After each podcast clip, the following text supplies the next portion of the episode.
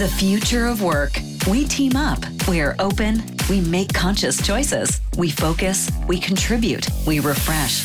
We are Microsoft, the Netherlands, and these are our rituals anywhere, anytime. This is Microsoft Security Lifehack Podcast. Hey, leuk. We zijn er weer een nieuwe aflevering van Microsoft Security Lifehack Podcast. eh, hier weer eh, live opgenomen vanuit onze Microsoft eh, studio. Eh, hier eh, op Schiphol. En vandaag eh, gaan we het tweede deel doen van onze drieluik met de partner Netscape rondom security. Vorige keer hebben we identity gedaan. En we gaan nu eh, eh, ja, verder praten over de onderwerpen die daarop volgen.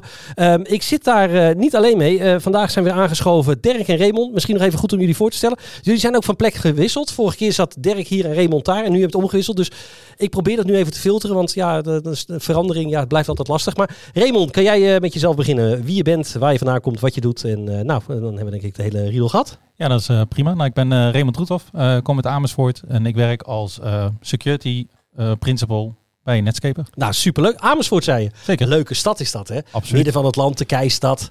Beste stad ter wereld. Beste stad ter wereld. We weten Ja. er alles van. Zeker. Ehm, en aan de overkant zit iemand die niet uit Amersfoort komt. Ehm, ja, daar kan hij voor de rest ook niks aan doen. Eh, Dirk, kan je jezelf even voorstellen? Ja, Dirk van Wouden, eh, woonachtig in Herugewaard en CTO bij Netscaper. Kijk, kijk, daar ga je al. Weet je, CTO gewoon. Hè? Dat, ehm, superleuk dat we hier weer zijn. Eh, wat ik al zei, vorige keer hebben we het over identity gehad. Waar gaan we het nu over hebben? Eh, vandaag gaan we het hebben over devices. Devices, oké.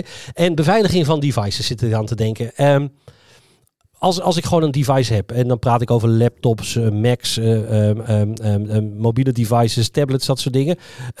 Beveiligen daarvan, is dat nodig? Of zeg je van, nou ja, je koopt hem in de winkel en, eh, en het is gelijk helemaal klaar? Of ehm, waarom? Ja, nee, ehm, ik denk niet dat het eh, bij default eh, veilig is. Ehm, en het landschap is natuurlijk ook erg veranderd. Hè? Je gaf het net al aan, tablet, telefoon, laptop. Dus ik denk dat het landschap ook heel erg veranderd is. Het is eigenlijk een verlengstuk zeg maar, van het desktop geworden. Dus ja, eigenlijk doe je alles eigenlijk ook op een telefoon. Dus ook het inloggen op je applicaties, benaderen van je bedrijfsdata, et cetera. Dus nee, die moet zeker wel beveiligd worden. Ja. Het is niet eh, out of the box eh, veilig genoeg. En hoe doen we dat? Eh, Wat is dan een, een manier om dat te beveiligen? Want ik kan me voorstellen, ik heb een wachtwoord. Hè, dus als ik al een device heb, dan heb ik een wachtwoord. Dus dat heb ik op mijn telefoon, heb ik een pincode. Eh, dat probeer ik op die manier te doen. Ehm, maar ja, er is natuurlijk wel, er zit iets tussen een device en wat je gebruikt daarin. Dus, dus ik kan me voorstellen dat er wat extra zaken nodig zijn. Ja, zeker. Dat, eh er komt veel bij kijken natuurlijk. Hè. Eerst eh, natuurlijk de basis op orde dat je in ieder geval secure mogelijk bent ehm, door bepaalde instellingen uit te voeren. Dat kan natuurlijk ook. Maar ook natuurlijk het monitoren. ehm, in zeker in het bedrijfsleven, ja, dat is natuurlijk super belangrijk. Dus hey, dat kan je al snel denken aan Microsoft voor Endpoint. Ehm, en natuurlijk ook eh, het toetsen als je dan wel benadert. Want je hebt bring your own devices, je hebt corporate devices, je hebt managed devices. Dus ja, dat, ja, dat moet je allemaal in acht nemen natuurlijk. eh moet je allemaal over nadenken. Ja. En Dirk, jij wil aanvullen. Ik zie, Ja, ik ik- zie aan je, ik, ik, ik kijk naar je, ik denk, jij, gaat, jij wil iets zeggen erover. Ja, misschien even een stukje context voor de, voor de eindgebruikers. Als je inderdaad kijkt naar de moderne werkplek, die bestaat uit vier eh, assets, laat het zo noemen. Dus je hebt de identity, devices, apps en data. Dus een gebruiker logt in met die identiteit op één of meerdere devices, nou gemiddeld drie, om een applicatie te openen en daarbij de data te benaderen. Nou, vanuit een hackerperspectief compromitteer je of een identiteit. Dus dan kun je op jouw computer inloggen op de portal je hebt toegang tot applicaties en data. Of je compromitteert een device. En daarmee staan ook credentials vaak opgeslagen. En daarmee kan ik ook naar applicaties na te komen. Dus vorige keer hebben we het gehad over identiteiten. En vandaag inderdaad gaan we over device security doen. En dat zijn de twee belangrijkste assets om te beveiligen, zeg maar, in een modern werkplekconcept. Omdat het eigenlijk is je toegang tot data. Hè? Correct. Je identiteit om aan te loggen en het device wat je gebruikt om daar te komen. Je Ja. zegt drie devices. Ik denk dat dat, eh, ik zit te vertellen, ja. Ehm, ik denk voor normale gebruiker wel. Ik denk als wij hier even naar onszelf kijken, denk ik dat het antwoord nee is. En dat we er iets meer eh, hebben waar wij ehm, ehm, eh, dat op doen. Want het is niet alleen maar gewoon devices die je zelf hebt. Maar ik kan me ook voorstellen dat als je ergens bijvoorbeeld in een internetcafé of ergens bent, hè, dan, dan kan je ook, en dan kan een bedrijf ook zeggen, ja, ho, even, dat, dat willen we niet. Hè. Dus, dus er zijn meerdere wegen naar Rome ehm, te bedenken daarin, eh, om dat beveiligen. Ik, ik vraag me wel eens af van, hoe bewust zijn we van het feit hè, dat zo'n device ook gecomprimenteerd kan worden? We hebben allemaal een virusscanner draaien. Maar is dat dan voldoende? Hè? Want als mensen kopen een apparaat met een virusscanner. Ben ik dan misschien voor eigen huis en tuin gebruik? Maar als ik kijk naar zakelijk gebruik, waar zit voor jullie daar de, de, de trade-off in, zeg maar? Maar misschien even één stukje dan terug naar de basis en dan geef ik hem over. Uh, wij, beginnen altijd te kijken vanuit compliance perspectief. Dus um, bijvoorbeeld het encrypten van een device. Als een device wordt gestolen of je verliest hem. Nou, wij vanuit traditioneel security zeg maar, konden er nog een harde schijf uithalen. Stop je in een andere computer, je komt bij de data. Nou, dat kan natuurlijk ook met telefoontjes. Alleen uh, daar al mee beginnen, zeg maar. Uh, en ik merk dat men dat gewoon nou, niet bewust doet. Uh, iPhone is beveiligd bij default, Android tegenwoordig ook, vroeger niet. Maar als ik kijk wat voor foto's men tegenwoordig maakt en die gewoon laat rondslingeren, zeg maar, dan is dat wel een stukje awareness waar je mee zou moeten beginnen. Even los van de, de antivirus, et cetera, waar we het zo over gaan hebben. Dus het is het voornamelijk, hè, dus, dus die, wat je op, op je apparaten doet. Hè, en ik weet dat bijvoorbeeld surface devices, hè, dan noemen we uh, chip to cloud, hè, wat we dan doen. Dus er zit een, een, een chip in die beveiligt al de firmware zelfs. Uh, dus dat die niet gehackt kan worden. Of dat zo moeilijk mogelijk wordt gemaakt. En daarnaast zit ook gewoon het hele encryptiemodel zit erin. En daarom hebben we ook, nou dat is een technisch verhaal, TPM 2.0 chip. Anders kregen Windows 11. Ja. Gaan we het nog misschien nog over hebben. Komt wel goed. Maar uh, ja, dat is inderdaad even de, de setting, de scene even, even ervan uh, daarin. Ja, en dan natuurlijk ook nog meenemen. Uh, je hebt, we hebben het net gehad over telefoons, nou, tablets, laptops, maar IoT-devices. Ja, dat ja, natuurlijk, ja. natuurlijk ook worden meegenomen. Dus, en dat, rekenen jullie dat ook als een endpoint? Zeg maar? Oké. Ja. Okay. Dus, dus een, een, een, een, laat maar zeggen, een, een, een, een, een fabrieksmachine, zeg maar, of een, een, een, lift. Uh, laten we een lift nemen gewoon. En, uh, dat zou dan ook een endpoint kunnen zijn. Ja, ik denk wel dat je onderscheid moet maken tussen IoT en OT. Oké. Okay. Misschien wel leuk om te melden. Ik had de eer om mee te helpen aan het asset slash device discovery gedeelte in Microsoft Defender for Endpoint. Waarbij elk Microsoft Defender for Endpoint device een probe wordt in het netwerk om te scannen wat bevindt zich nog meer in het netwerk. Um, ja, you cannot protect what you don't know. Nee, precies. En ik had thuis een scan gedaan op mijn netwerk. En buiten mijn vijf computers kwam ik uit op 60 devices gewoon gekoppeld aan mijn thuisnetwerk. ja, okay. Dus kun je nagaan. En dat ging van, van de Tesla tot en met mijn Sonos systemen, mijn, mijn lampen. En tegenwoordig zijn denk ik computers en mobiele telefoons wel redelijk goed beveiligd met security instellingen waar we zo dieper op ingaan. Uh, met patches, met updates, maar al mijn IoT-devices, nou de helft draait met admin-admin uh, waarschijnlijk en updates, nooit van gehoord. Dus dat is wel een belangrijke uh, endpoint ook waar we meer mee moeten gaan doen. eh. Omdat het natuurlijk op je netwerk zit en als een van die devices gecomprimenteerd wordt, kan het je hele netwerk comprimenteren. Voor mij ja. was het enkele jaren geleden dat er een uh, casino in Las Vegas was uh, gehackt via een aquarium. Um, ja, via sidechain attack. En toen hebben ze echt de high-roller database kunnen compromitteren door ja, een IoT-device geconnecteerd aan het corporate netwerk. Ja, bizar hè? Bizar. Ja, je ziet ook dat nu Microsoft ook wel uh, meer aandacht besteedt aan uh, voor Microsoft Defender for Identity. Uh, sorry, Microsoft Defender for Endpoint. Um, dat als er een IoT-device is gediscovered via device discovery, dat er nu ook een mogelijkheid is bijvoorbeeld van oké, okay, als die gecomprimenteerd is, hè, bijvoorbeeld Aquarium, waar Dirk het net over had, ja. dat die dan wordt um, buitengesloten van alle uh, endpoints waar Microsoft Defender for Endpoint op staat, bijvoorbeeld. Dus dat is heel gaaf dat die dan wordt geblokkeerd door al die uh, eind uh, of door al die endpoints. En dan ook al gaat hij het IP-adres veranderen, dan nog kan die niet bij al die apparaten. En dan kan hem eigenlijk ontsluiten van de rest van de Wordt apparaten. Wordt ja eigenlijk een soort in een DMZ eigenlijk geplaatst, omdat hij dus niet meer te benaderen is voor het netwerk zelf. Ja. Dus dat alle poorten dicht zitten. Dan. Ja, ook, ja. ook daar zie je dat we terug gaan naar, ja, volgens mij was het jaren geleden met het Jericho begonnen, dat we echt terug gaan naar objectgeoriënteerde beveiliging, assetbeveiliging. En dat de netwerkcomponenten die nog steeds belangrijk zijn. Ik had gisteren een, een, een, gesprek met een klant over moeten we nog steeds aan netwerkbeveiliging doen. Ja, het antwoord is natuurlijk ja. Maar je ziet wel dat uh, door het thuiswerken, door de meerdere devices, zeg maar, niet alles voorzien van de juiste antiviring tools. Dat, ja, dat toch meer met endpoint security gedaan moet gaan worden. En dat is natuurlijk ook het onderwerp van deze podcast. Ja, want hè, je zegt het al, je hebt antivirus heb je erop draaien. Uh, is dat, of heb je dat niet nodig? Hè? Je hebt dus ook uh, alle Defender producten. Ja, wat, wat zou nou jullie advies zijn voor iemand die, laten we zeggen, hybride werkt? Dus die thuis werkt en je wil een device wil je beveiligen. Moet ik dan gewoon een antiviruspakketje aanschaffen? Wat? Ik snap dat het per organisatie verschilt, maar hoe is jullie werkwijze? Misschien dat dat even een goede vraag ja. is. Nou, misschien is het wel interessant om te vertellen dat um, eh, dat wordt onderscheid dat, dat je eigenlijk kan maken tussen antivirus en een endpoint detection en response. -hmm. Waarbij um, uh, vroeger eigenlijk wordt gekeken van nou, als er iets wordt geopend of iets wordt benaderd, uh, dat er alleen wordt gekeken van oké, okay, is het uh, malicieus ja of nee? En dat er nu meer gekeken wordt naar het gedrag. Dus wat is het gedrag van een bepaalde uh, malicious software? Ehm, dus de ouderwetse manier is echt uh, signature-based. Is die uh, slecht ja of nee? En dat er nu meer gekeken wordt naar het gedrag. Dus daar verschuift het wel heel erg heen. Want ja, de aanvallers worden ook steeds geavanceerder software zijn ze aan het schrijven. Dat het veel moeilijker wordt om te detecteren op de oudere manier. Dus zeg maar de antivirus manier. Oké. ik zeg altijd, antivirus is jouw pre-infection tooling. En EDR is jouw post-infection tooling. En het meest duidelijke voorbeeld wat ik ooit had gezien in de praktijk is... als ik Mimikatz download, is antivirusdetectie. En Mimikatz gebruiken bijvoorbeeld om credentials uit geheugen te lezen. Dat is EDR, het gedrag. Uh, ja. ja. Dus is het beide nodig, is dan de vraag. Ja. Ja, ja. Nou, dat is altijd goed om te weten dat je inderdaad hè, die voor- en die achterkant eh, goed, goed is beveiligd. De datakant en ook gewoon hè, wat op je device natuurlijk zelf uh, draait. Uh, ik kom nog uit een tijd met, uh, met diskettes. En dan had je vroeger gewoon een D erin en dan ging je zo'n virusscannetje overheen laten draaien. Of er stond er een virus op en dan werden mijn ouders niet blij dat ik weer wat binnengehaald had. Maar dat, dat, die tijd is wel veranderd daarin. En je moet echt dus dat endpoint goed beveiligen ik kan me ook zo voorstellen dat een endpoint aan bepaalde waardes uh, zou, zou moeten voldoen. Um, en, en met die waardes bedoel ik van, uh, zijn alle updates gedraaid, zijn alle patches gedraaid om ook op zo'n netwerk te kunnen komen? Of, of, of vergis ik me daarin? Ja, ja, zeker. Dus je kan ook uh, bepalen van welk device dan bij welke data mag komen bijvoorbeeld. Hè. Je kan uh, door middel van conditional access afdwingen welke apparaten wel en niet bij je data mogen. Dus ja. je kan zeker daar je beleid dan op toepassen. Dus, misschien, misschien even goed om uit te leggen vanuit de Microsoft tooling dat het een, een drieluik is die niet altijd heel goed wordt begrepen. Dus met het pakket Endpoint Manager, zeg maar, bepaal jij wanneer een device wel of niet compliant is. Ja.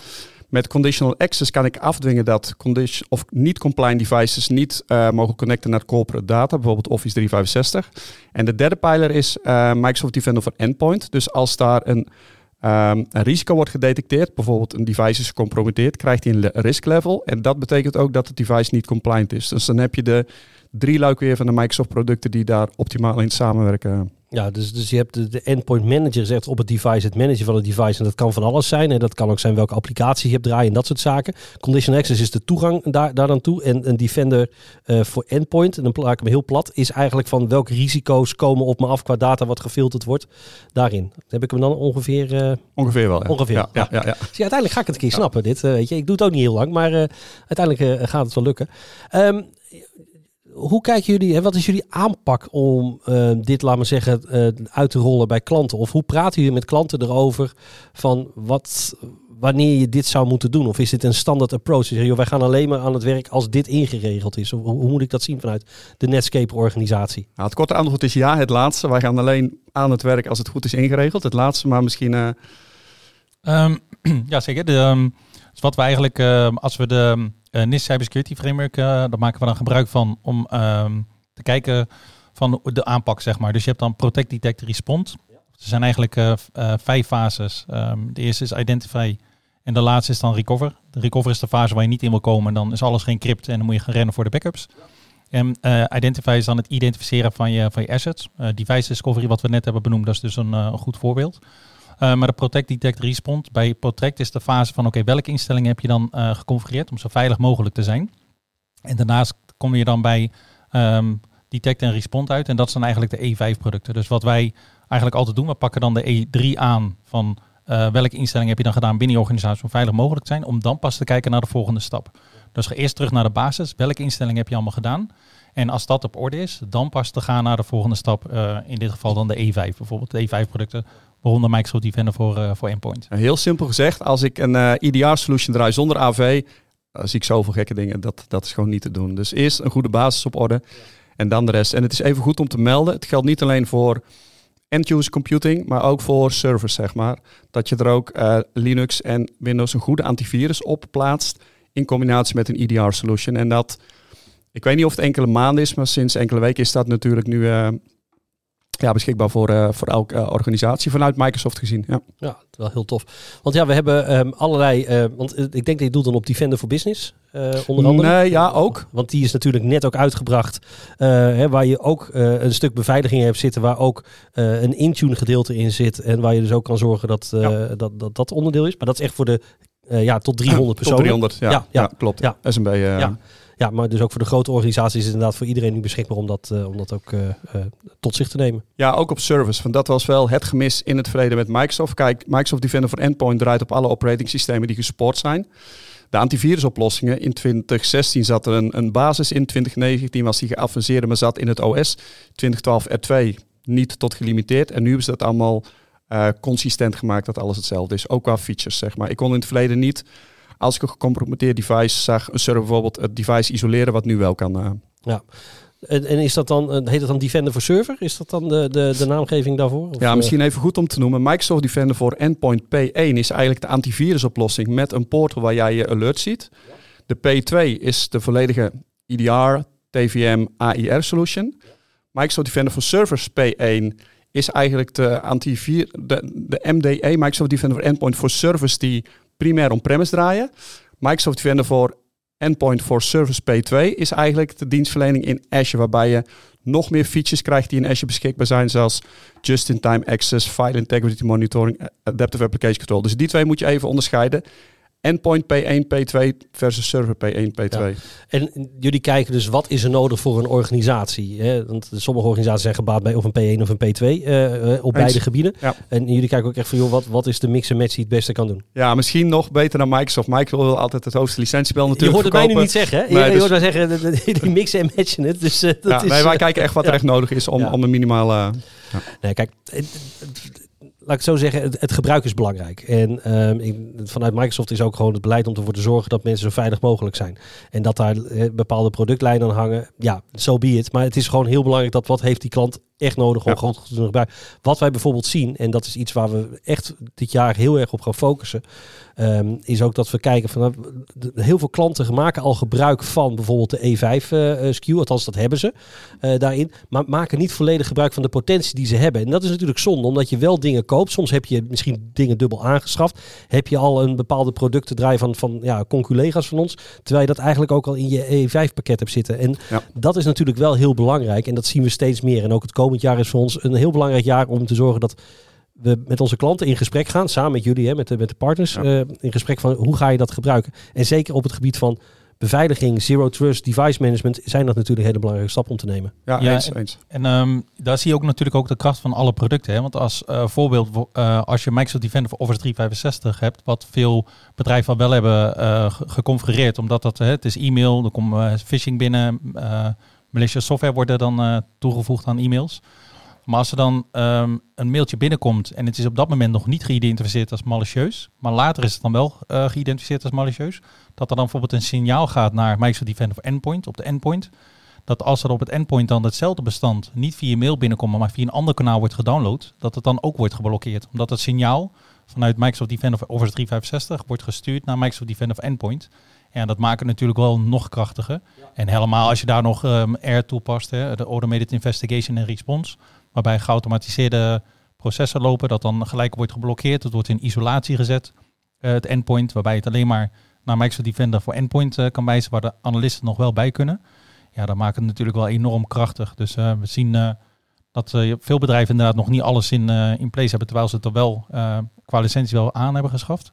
En ja, dan laten ze echt een hele grote potentie wel liggen. En, dit is dan een goed voorbeeld. En zo zijn er heel veel voorbeelden voor al die producten die samenwerken, ja, dat, is dat maakt het echt heel erg krachtig. Ja, dat is wel iets wat ik wil even benoemen. Dat de third-party producten, ik ga geen namen noemen, die zijn misschien as good as de Microsoft producten. Als je kijkt naar de entiteit in, in ja, autonoom waar die op draait, maar het grote geheel, zeg maar. Dus de samenwerking tussen alle producten onderling. Um, ja, dat is wel waar Microsoft zich onderscheidt tussen de third-party antivirus of uh, e-mail hygiene producten, et cetera, et cetera. Dus dat is wel een hele belangrijke constatering. Dat alles wordt gecorreleerd zeg maar, in, een, uh, ja, in een incident van A tot Z. In plaats van dat de analisten zelf moeten nazoeken. Oh, hier is een mailtje binnengekomen. Hier hebben we iets gevonden op een endpoint. Oh, hier is iets met een identiteit gebeurd. Dat kost gewoon tegenwoordig veel te veel tijd en werk. En, uh, ja, en, en, wat, wat, wat het is, hè, en uh, we zijn echt een, een security company aan het worden.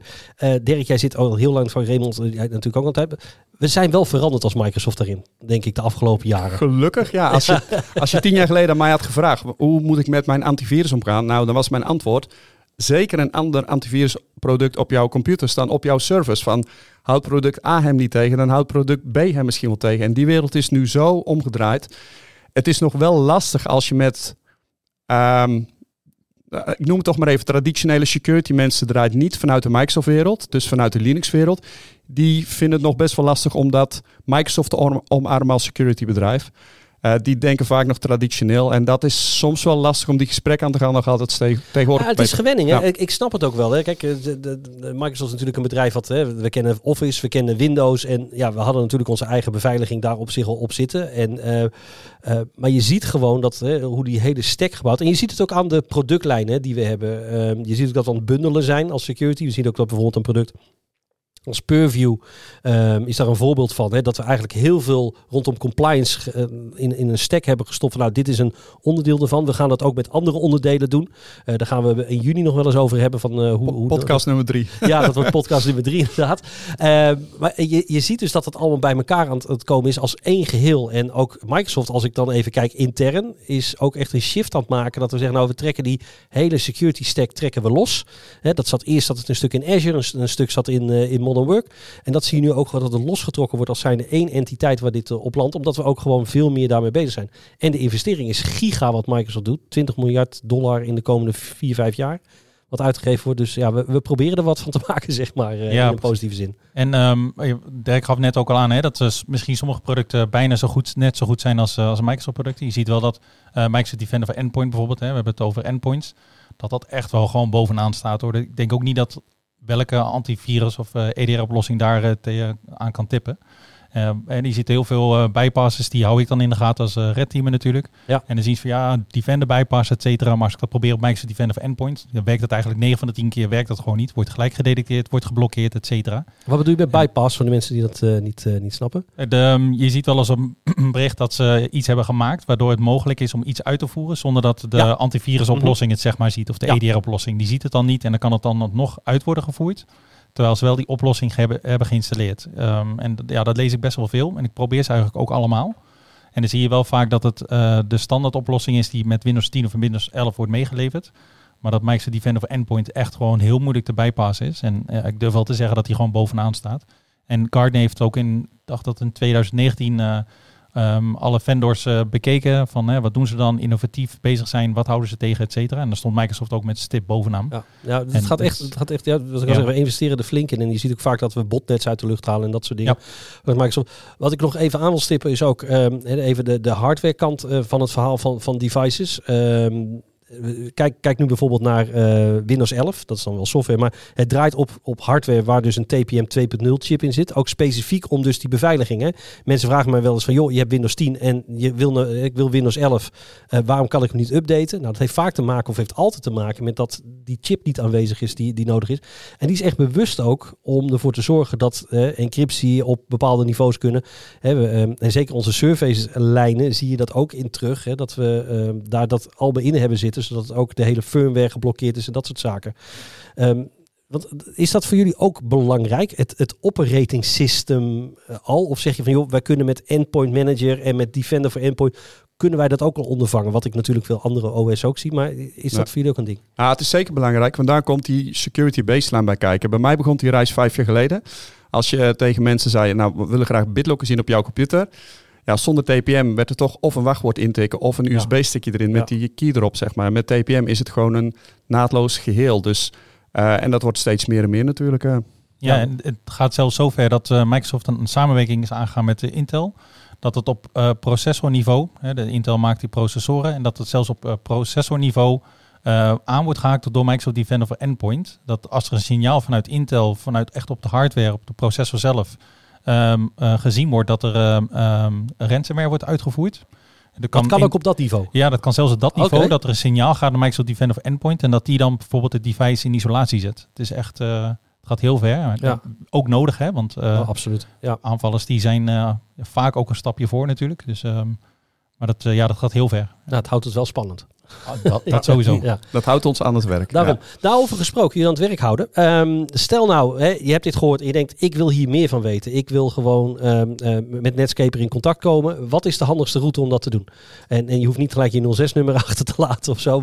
Of zeg je van, nou ja, nou, het, is, het is een ja. Maar wat, wat zou eh, de handigste route zijn om eh, meer eh, te weten te komen hierover en met jullie in contact te komen? Ja, gewoon contact opnemen of via de website of via LinkedIn is tegenwoordig wel het medium om mensen persoonlijk of, eh, of via het Netscaper-account te benaderen, zeg maar. En dan, eh, Dan, eh, dan komen ze vanzelf bij jullie terecht. Eh, ja, de tijd vliegt. Eh, we, zijn erin. Ik wil jullie ontzettend bedanken. Dirk, eh, ontzettend bedankt. Raymond, ontzettend bedankt. En eh, nou, ik kijk uit naar nummer drie. Die komt binnenkort. Ja. Oké, tot Dankjewel. dan. Bedankt voor het luisteren naar deze podcast van Microsoft Nederland.